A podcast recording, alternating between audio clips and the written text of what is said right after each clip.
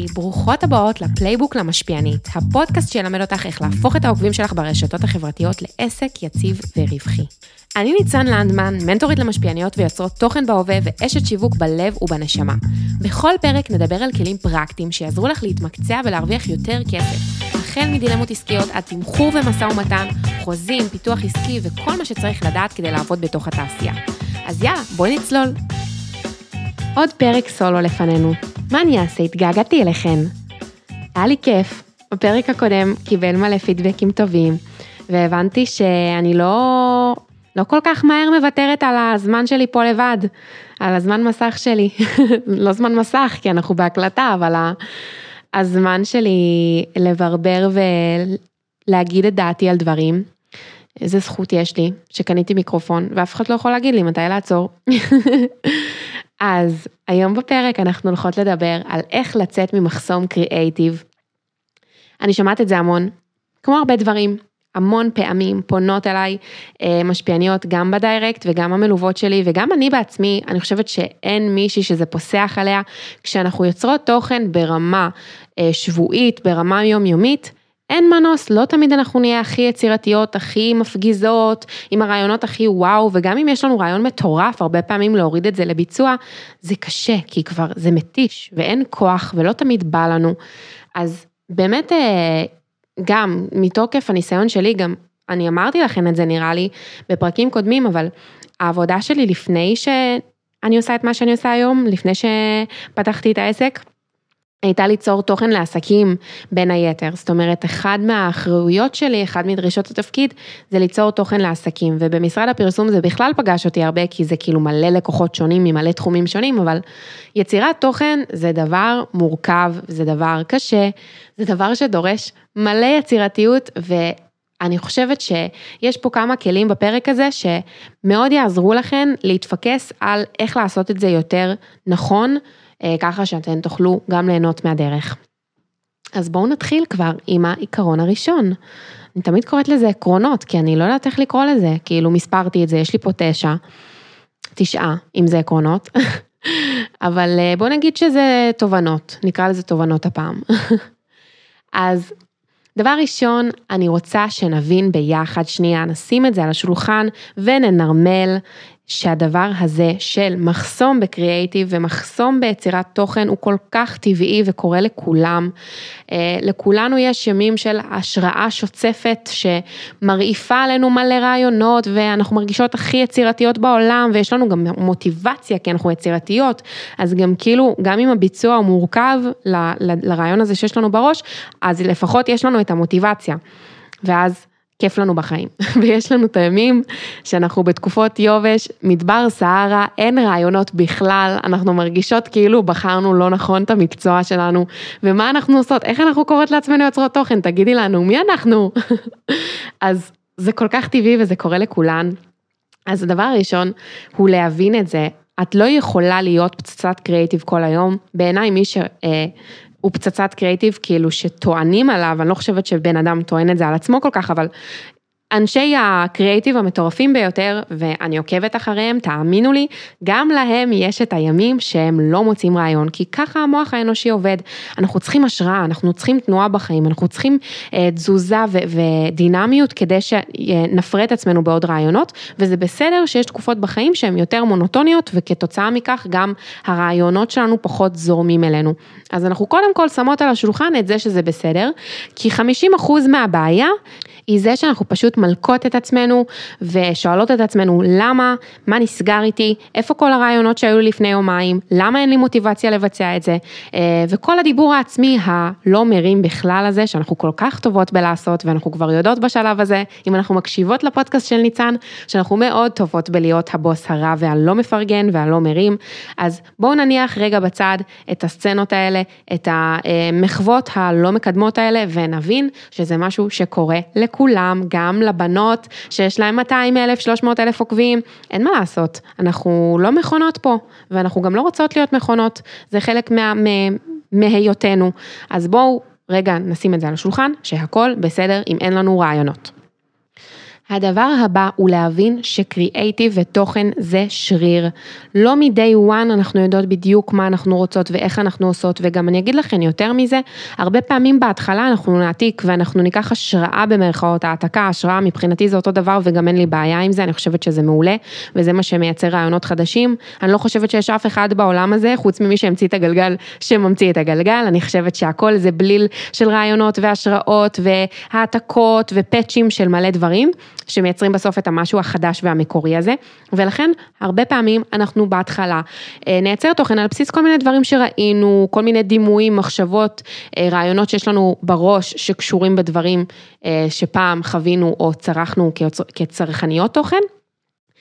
ובהתחלה לא בהכרח נייצר תוכן שהוא מקורי, לא בהכרח נוכל לעמוד מאחורי התוכן שלנו ולהגיד זה התוכן הכי מטורף שיש, הכי מקורי, הכי חדשני ומביא מסר בצורה אחרת, זאת אומרת ברור שכולנו רוצות להיות שם באידיאל, אבל בהתחלה זה לא עובד ככה ואנחנו רוצות לצאת מנקודת הנחה שכדי לפתח את השריר הזה של יצירת התוכן והקריאיטיב אנחנו צריכות הרבה הרבה אימון אה, ואני בנוסף ממליצה גם ממש ללמוד את זה. אני אגיד שבתוך ריץ' פלואנסר, תוכנית הדגל שלי, תוכנית הליווי אחד על אחד, כמובן שאנחנו עובדות על השריר הזה מאוד מאוד חזק בתוך זה שאנחנו משלבות את הבידול שלך ומה האג'נדה והמטרה שלך, אה, ואז מצליחות לייצר תוכן שהוא באמת הרבה יותר מקורי ושלך, ומורגש שזה ה-DNA שלך בתוכן, אבל יחד עם זאת, יש עוד מלא מלא קורסים ומלא מלא, אפילו קורסים דיגיטליים של יודמי כזה, כאילו אני לא מדברת עכשיו על איזה הוצאה של אלפי שקלים, משהו מטורף עכשיו שאת כאילו עושה פה השקעה רצינית, אלא פשוט לפתוח את הראש, לאפשר לעצמך רגע לראות איזה סוגי תוכן יש, אפילו ברמת הצ'קליסטים ורשימות, אז יש לך רילסים ויש לך אה, קרוסלות ויש לך כאילו מה יש לך, מה כלי העבודה שלך, מה האופציות שלך? ומשם יהיה לך יותר קל אה, להתחיל לייצר את התוכן ולהבין באיזה פורמטים את רוצה לייצר אותו, אה, באיזה שפה הוא הולך להיות, האם הוא הולך להיות הומוריסטי, הוא הולך להיות שנון, הוא הולך להיות רציני, הוא הולך להיות פרובוקטיבי, מה הדבר הזה הולך להיות, אבל זה, זה שריר שצריך לפתח אותו וזה skill שצריך לעבוד עליו, אה, ואנחנו מבינות את זה ואנחנו לא חושבות שאנחנו יודעות הכל. אנחנו הולכות ולומדות מאנשים שיודעים, כי למה שלא יקצרו לנו את הדרך? אני ממש בעד, תמיד אתן כבר יודעות את זה. אה, הדבר הבא הוא להבין שמה שלא מעניין בעצם כן מעניין. הנקודה הזאת כתובה פה מולי, אבל אני לא הולכת לקרוא מה שכתוב לי פה, אני הולכת לדבר את זה, כי זה מאוד מאוד אה, מפעיל אותי רגשית. אני חושבת שאתן לא מבינות בכלל, גם כמשפיעניות, שכאילו אנשים פאקינג עוקבים אחריכם, וכאילו קיבלתם את ההוכחה הכי obvious בעולם שאנשים מתעניינים במה שאתן עושות, אני לא חושבת שאתן מבינות עד כמה זה אה, פולשני, עד כמה אנשים רוצים לדעת פולשני במובן החיובי, כן? שבסוף זה הגבולות שלך ואת בוחרת כמה לשתף, אבל הרבה פעמים אנחנו נבחר לא לשתף בגלל שאנחנו חושבות שזה לא מעניין, שזה הכי הזוי. לא כי זה עובר לך את הגבול, לא כי את לא רוצה לחשוף את החלק הזה בעצמך, אלא כי את באמת חושבת באמת ובתמים שזה לא מעניין, או שהידע הזה כל כך obvious לכולם. תמיד יהיו אנשים שהם עשרות צעדים אה, מאחורייך, והם צריכים את הידע שלך ורוצים את ההשראה שלך, והם בסוף, בואי, בתכלס הם עוקבים אחרייך, הם עשו את המחווה הכי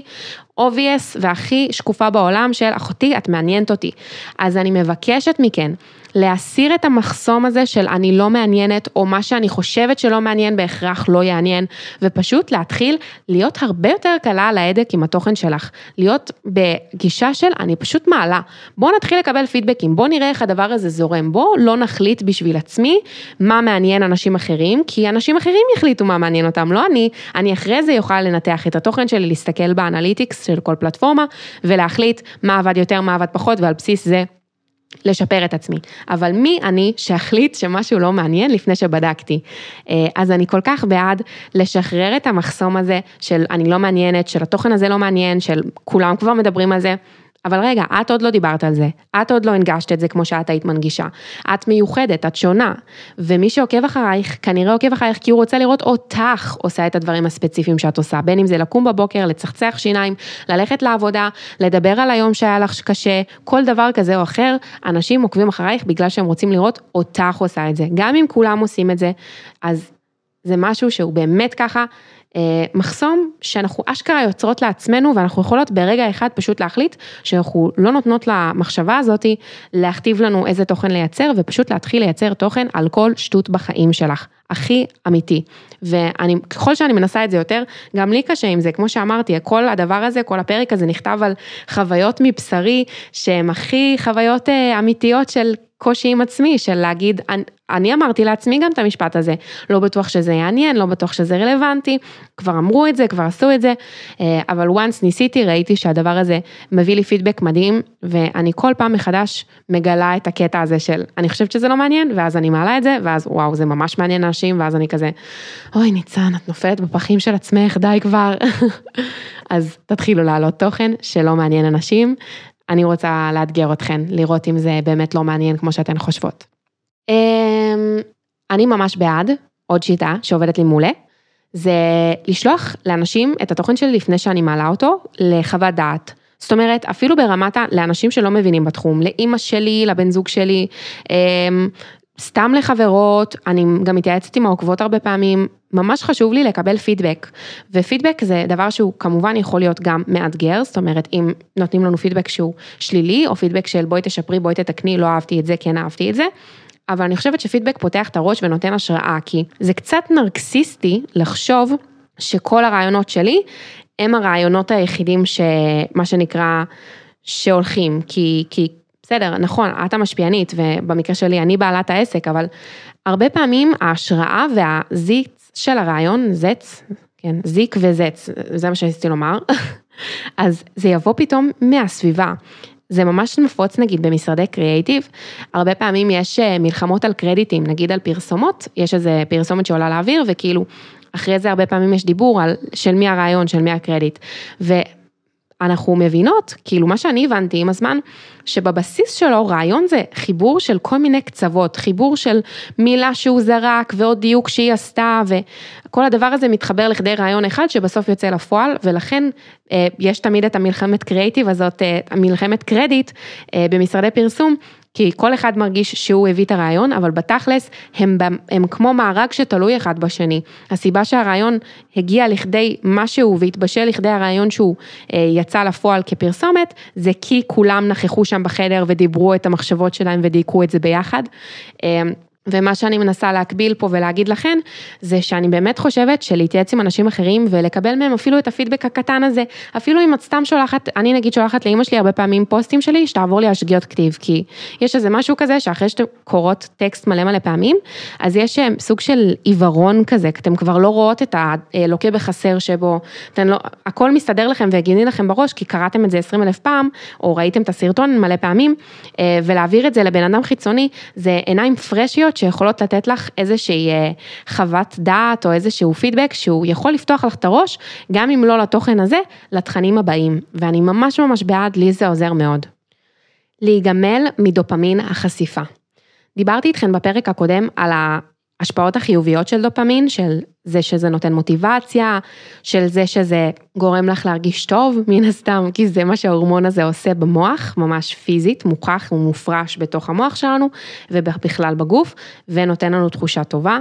אמ, אבל אני רוצה רגע לדבר על הצד השני של המטבע, שהוא ההשפעות הממכרות והתלותיות של ההורמון הזה.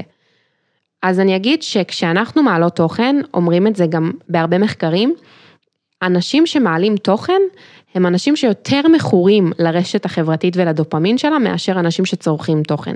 למה? כי אנחנו כל היום מקבלות פידבקים מהסביבה, אנחנו כל היום אה, מקבלות את החיוויים של לייק או לא לייק, תגובה או לא תגובה, צפיות בסטורי או פחות צפיות בסטורי. זאת אומרת, אנחנו כל הזמן אה, מקבלות חיווי אה, שבמוח הוא מתורגם לחיובי שלילי, הרי הוא לא יודע. תלות של אלגוריתם, של שעה שהעלית, של איכות התוכן, זה לא מעניין אותו. המוח שלנו עובד בפקודות מאוד מאוד פשוטות. שהן שחור ולבן, הן דיכוטומיות. ולכן ברגע שאנחנו מעלות תוכן מסוים ואנחנו מקבלות פידבק מאוד מאוד חיובי עליו, המוח, ייי, הצלחתי, אני מדהימה. וברגע שיש איזשהו phase שבו התוכן שלנו פחות מתפוצץ ופחות עובד ומתחילות כל התהיות והספקות שלנו עם עצמנו, כי המוח שלנו מתרגם את זה ל...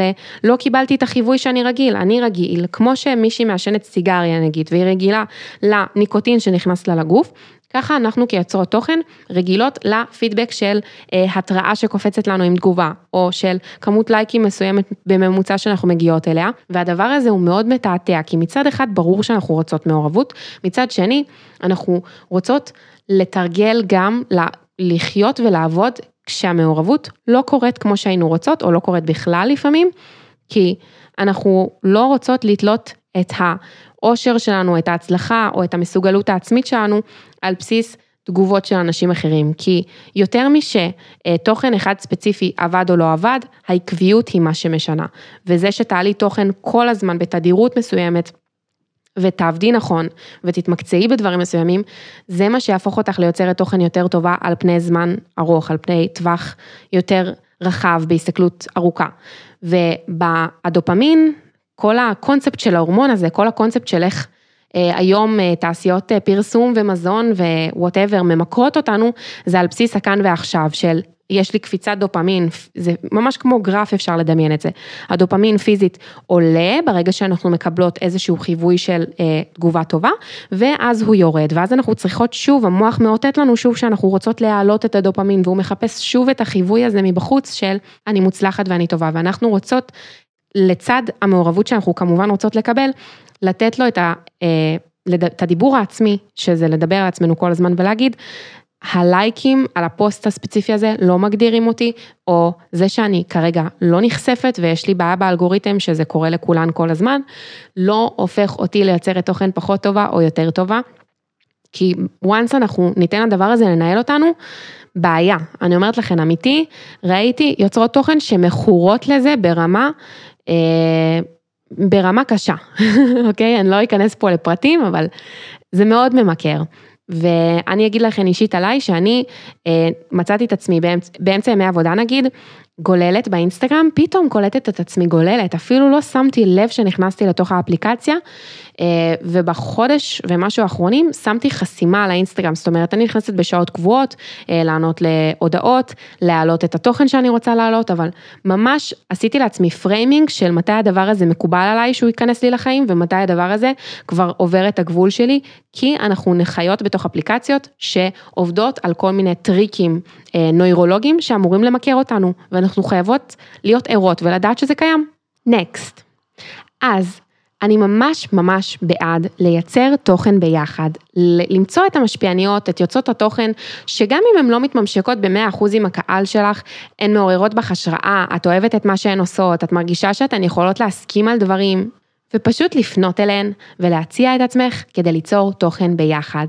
הדבר הזה הוא יתרונות מכל כך הרבה צדדים, כמו למשל הפגת בדידות, כמו למשל זה שתיתנו אחת לשנייה מלא השראה ותייצרו אולי אפילו חברות, אה, ואתם גם סוגרות אחת לשנייה בסוף פינה, זה win win situation, אתן מייצרות תוכן ביחד שעולה אצל שתיכן, שמאפשר לכן אה, מה שנקרא אה, לעשות וי על כמות התוכן שאתן רוצות להגיע אליה, ואני סופר בעד. אני יודעת, זה דורש לוותר על האגו, זה דורש להיות הראשונה שפונה, אבל זה כל כך, כל כך חשוב, וזה באמת עובד, אני ראיתי את זה קורה, את השת"פים האלה נרקמים בין יוצרי תוכן, תמיד אני רואה את זה ואני כזה יואו איזה כיף, כאילו תחשבו גם בשביל העוקבים שלכם, כשהן רואות שאתן משתפים פעולה, משתפות פעולה, זה מרגש כזה, זה כאילו יואו, הם אנשים אמיתיים שהם נפגשו והם יצרו ביחד תוכן וכאילו איזה כיף ששני יוצרים שאני אוהבת עושים ביחד משהו שאני גם כנראה אוהב. אז אני ממש ממש בעד לא לתת למקום הזה אה, להישכח ולהתמסמס וכן לעשות את זה, כי זה גם עוד פעם פתרון לבעיה של כל הפרק הזה של מה אנחנו מדברות עליו, שזה מחסום תוכן וקריאיטיב, איך להתגבר עליו. הדבר הבא הוא משהו שאני ממש חוטאת בו, כל פעם שאני במשבר של אה, מחסום כזה, גם בכל תחום בעבודה, אבל בעיקר בתוכן, זה שאני מנסה להיכנס עם ראש בקיר. במקום עכשיו להבין שזה לא עובד לי, הרעיון הבא, המטורף הבא, לא הולך להגיע עכשיו, אני לא בשלה לזה, אני לא פנויה לזה, כנראה שיש דברים שמטרידים אותי, או שאני נורא יפה, או שאני צריכה איזה קפה רגע, משהו קורה, אה, ואני לא מצליחה, יש לי בעיה שאני לא מצליחה לייצר תוכן. אה, הטיפ הזה הוא בעצם לקחת הפסקה, ואני הרבה פעמים אהיה העקשנית הזאת של לא, אני לא קמה עד שאין לי שישה פוסטים כתובים. אבל כל פעם שהלכתי באסטרטגיה הזאתי, סבלתי, וכשהלכתי באסטרטגיה של לקחת הפסקה, אפילו נגיד היה לי בשבוע האחרון גם, פשוט לא היה בא לי לעלות סטוריז. היה לי מלא רעיונות, אבל היה לי ממש קשה, כי היה לי שבוע קשה בכללי, לא התחשק לי. ופשוט החלטתי להיעלם, ברמה שהיא הייתה נראית לי הגיונית, היה לי קשה לעשות את זה כי אני אמרתי לכם, אני, עקש, אני עקשנית, אבל אה, לקחתי הפסקה וחזרתי, והיום בבוקר, לפני שהקלטתי את הפרק הזה, שגם, הרי זה גם תוכן הפרק הזה, הוא גם דרש ממני לחשוב על רעיונות, טקטקתי שישה פוסטים וכתבתי את הפרק הזה, ועכשיו אני מקליטה אותו. ההפסקה נותנת למוח להתנקות, היא נותנת לו רגע רפרש כזה, שאפשר שנייה פשוט לא לחשוב על כלום, אנחנו כל הזמן חושבות על דברים כי אנחנו בעלות עסקים ואנחנו אמביציוזיות ומשימתיות, אבל צריך רגע גם להתנוון, ואני מבטיחה לכן שההתנוונות היא לשם עשייה פי 200 שתעשו אם תיקחו את ההפסקה הזאתי. עוד משהו, לרשום את ההברקות שלך מהחיים עצמם. זה אומר ש... אתן בטוח גם מכירות את זה, שיש לכן רעיונות, לאו דווקא בטיימינג שאתן בחרתן להקדיש כדי לייצר תוכן. אבל אנחנו לא רוצות לוותר על הרעיונות האלה, כי הרעיונות האלה הם, למה הם עולים בזמנים האלה שאתן אומרות יואו, כאילו, איך עכשיו, דווקא כשאני כזה, לא יודעת, במיטה לפני שאני הולכת לישון, איך פתאום עכשיו עולה לי הרעיון? כי זה הזמנים שהמוח מצליח להתנקות ולחשוב בצלילות על דברים. זה הזמנים שהמוח מקבל השראה, זה יכול להיות במקלחת, זה יכול להיות בטיול עם הכלבה, הרבה פעמים זה קורה לי. כל אחת יש לה את הזמנים שפתאום היא פורה, ברעיונות. ואני אומרת, לא לוותר על הרעיונות האלה. אני לא אומרת עכשיו, לכי למחשב, רוצי ותפני שעתיים מהזמן שלך ותיישמי הכל. אני רק אומרת, תכתבי את הרעיונות האלה ותתעדי אותם, כי זה שווה את זה, ואני לא מדברת רק על לכתוב בנקודה, אלא לכתוב כמה משפטים כדי שיהיה לך מושג מה רצית מהחיים של עצמך. לי הרבה פעמים קרה שנגיד באמצע הלילה היה לי רעיון, וכאילו הייתי ערה, כאילו נרדמתי או משהו, וכתבתי את זה, באיזה נקודה ובבוקר לא הבנתי מה אני רוצה, למה התכוונתי. וכשהתחלתי לרשום את זה בקצת יותר מנקודה, אלא כמה מילים או את ההתחלה של הפוסט, היה לי הרבה יותר קל לחזור לזה אחרי זה ולפתח מהדבר, מהרעיון, מהפיסת אה, רעיון הזאת, איזשהו תוכן הרבה יותר טוב, וכמובן לנצל את הקריאטיביות שהייתה לי אתמול בלילה. אז תרשמו רעיונות כל הזמן, תלכו, לא, אני לא אגיד לכם ללכת עם פנקס, כי אני בחיים לא עושה את זה, אני באוריינטציה דיגיטלית להכל, אבל אני רושמת הכל בפתקים בטלפון, הכל, באמת. יש לי גם קבוצת וואטסאפ עם עצמי, יש לי את כל השטיקים והטריקים. הכל כדי שדברים יהיו רשומים, כי הזיכרון שלי פח זבל, אני לא זוכרת כלום, ואני גם לא אוהבת כל כך לזכור דברים. אני אוהבת שהם רשומים לי, ואז אין לי את הבעיה הזאתי, אני פשוט חוזרת למה שרשמתי. עוד טיפ זהב, הוא לדלג על שלבים אה, שמעכבים אותך בפרסום התוכן שלך. אז אני אתן דוגמה. נגיד שעכשיו בא לך לכתוב ניוזלטר, אוקיי? ויש לך איזה רעיון כללי ואת כאילו אומרת, אוקיי, אני אכתוב את זה בפתקים, כי כרגע אני לא יכולה, ואז אני אכתוב את זה אה, בקובץ Docs שאני מנהלת לעצמי, ששם אני כותבת את כל הרעיונות לתוכן, ואז משם אני אעביר את זה אה, תיקונים כזה, אני אעשה הגהה, ואז אני אעלה את זה אה, למערכת של הדיוור שלי, ואני אעשה עוד פעם תיקונים, ואז אני אשלח. עכשיו ככה אני הייתי עובדת, אוקיי? בכמויות של שלבים. עכשיו, יש בזה היגיון, ויש בזה מן הסדר, וזה מונע טעויות, וזה מסדר את הדברים, ואז את יודעת מה עשית ומה לא עשית, יש לזה מלא יתרונות, אבל ב money time של החיים אני גיליתי שיש לזה יותר חסרונות עבורי מאשר יתרונות, כי כשאני לא כותבת את הדבר בהכי קרוב למציאות של איפה אני גם שולחת אותו, נגיד במקרה של ניוזלטר, כשאני כתבתי את הניוזלטר בתוך המערכת של הדיוור, שלחתי אותו באותו הרגע, ובסדר, אם היו טעויות או היו דברים לא מדויקים, לא נורא, אבל הוצאתי תוכן, זאת אומרת, שחררתי תוכן לאוויר. ומה הדבר שאני מנסה לומר? כשאני מייצרת תוכן הכי קרוב ללייב, זאת אומרת, הכי קרוב ל... פרסום שיש לי הכי פחות שלבים להעביר אותו, ככה הוא יוצא יותר מהר להעביר, אני לומדת ממנו יותר מהר, אם הוא היה מוצלח או לא מוצלח, לא משנה, אה, ואני יותר בתפוקה, אני יותר בדואינג ופחות בתכנוניאדה. אה, וואי, איזה מילה. אני לא הולכת למחוק את זה, כי יצא לי סבתא בת 70, אבל אני פחות בתכנון, ולי יש נטייה, ואני חושבת שלהרבה מאיתנו, להיות בתכנון יתר. שתכנון זה טוב עד מידה מסוימת, כי יש תכנון כבר שגורם לי אה, לשכוח שבכלל אני צריכה גם לבצע את הדבר שאני רוצה לעשות. ואחד הדברים שהכי עזרו לי זה להתחיל להעביר הכל להכי קרוב לפרסום שאפשר, לדלג על השלבים אה, והתכנונים והסידורים, כדי אה, לעשות יותר תפוקה ולהיות יצרנית תוכן יותר אה, אינטואיטיבית, נקרא לזה ככה. יואו, איזה כיף, איזה פרק שוצף יצא לי, אני ממש שמחה. אמ, אז זהו, אלו היו הטיפים שלי, אלה היו האנקדוטות לגבי יצירת תוכן ומחסום תוכן, ומה עוזר לי להתגבר עליו. אני ממש אשמח שתשתפו את הפרק הזה ותדרגו את הפודקאסט הזה, כדי שאני אוכל להגיע לעוד יוצרות תוכן, ולקדם את האג'נדה מספר אחת שלי כרגע, שהיא לייצר קהילת יוצרות תוכן ומשפיעניות חכמה, משכילה, שמדברת אחת עם השנייה, מפרה אחת את השנייה, ומתפקדת ככוח אל מול בעלי עסקים ומותגים, ועושה מלא כסף. אז תשתפי עליי את הפרק הזה. ממש תודה שהאזנת, ואנחנו נתראה בפרקים הבאים.